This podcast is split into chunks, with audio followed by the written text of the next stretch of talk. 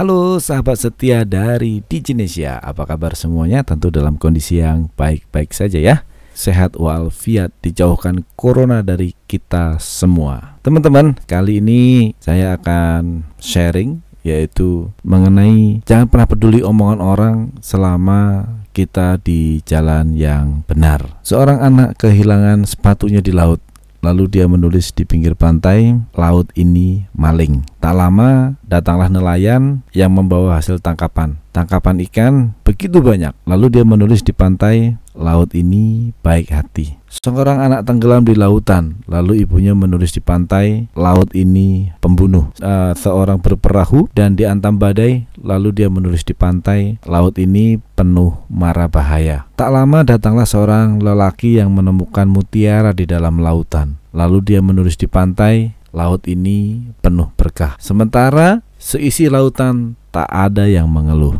Kemudian datanglah ombak besar dan menghapus semua tulisan di pantai itu tanpa sisa. Maka jangan risaukan omongan orang karena setiap orang membaca dengan pemahaman dan pengalaman yang berbeda. Teman-teman, teruslah melangkah selama engkau di jalan yang baik. Meski terkadang kebaikan itu tidak senantiasa dihargai. Gak usah repot-repot mau menjelaskan tentang diri kita kepada siapa pun karena yang menyukai kita karena yang menyukaimu tidak butuh itu dan yang membencimu tidak percaya itu. Hidup bukan tentang siapa yang terbaik, tapi siapa yang mau berbuat baik. Jangan menghapus persaudaraan hanya karena sebuah kesalahan, namun hapuslah kesalahan demi lanjutnya persaudaraan. Jika datang kepadamu gangguan, jangan berpikir bagaimana cara membalas dengan yang lebih perih, tapi berpikirlah bagaimana cara membalas yang lebih baik. Kurangi mengeluh, teruslah berdoa, sibukkan diri dalam kebaikan hingga keburukan lelah mengikuti kita. Tugas kita adalah berbuat yang baik dan benar, bukan menghakimi. Memaafkan adalah memaafkan tanpa tapi.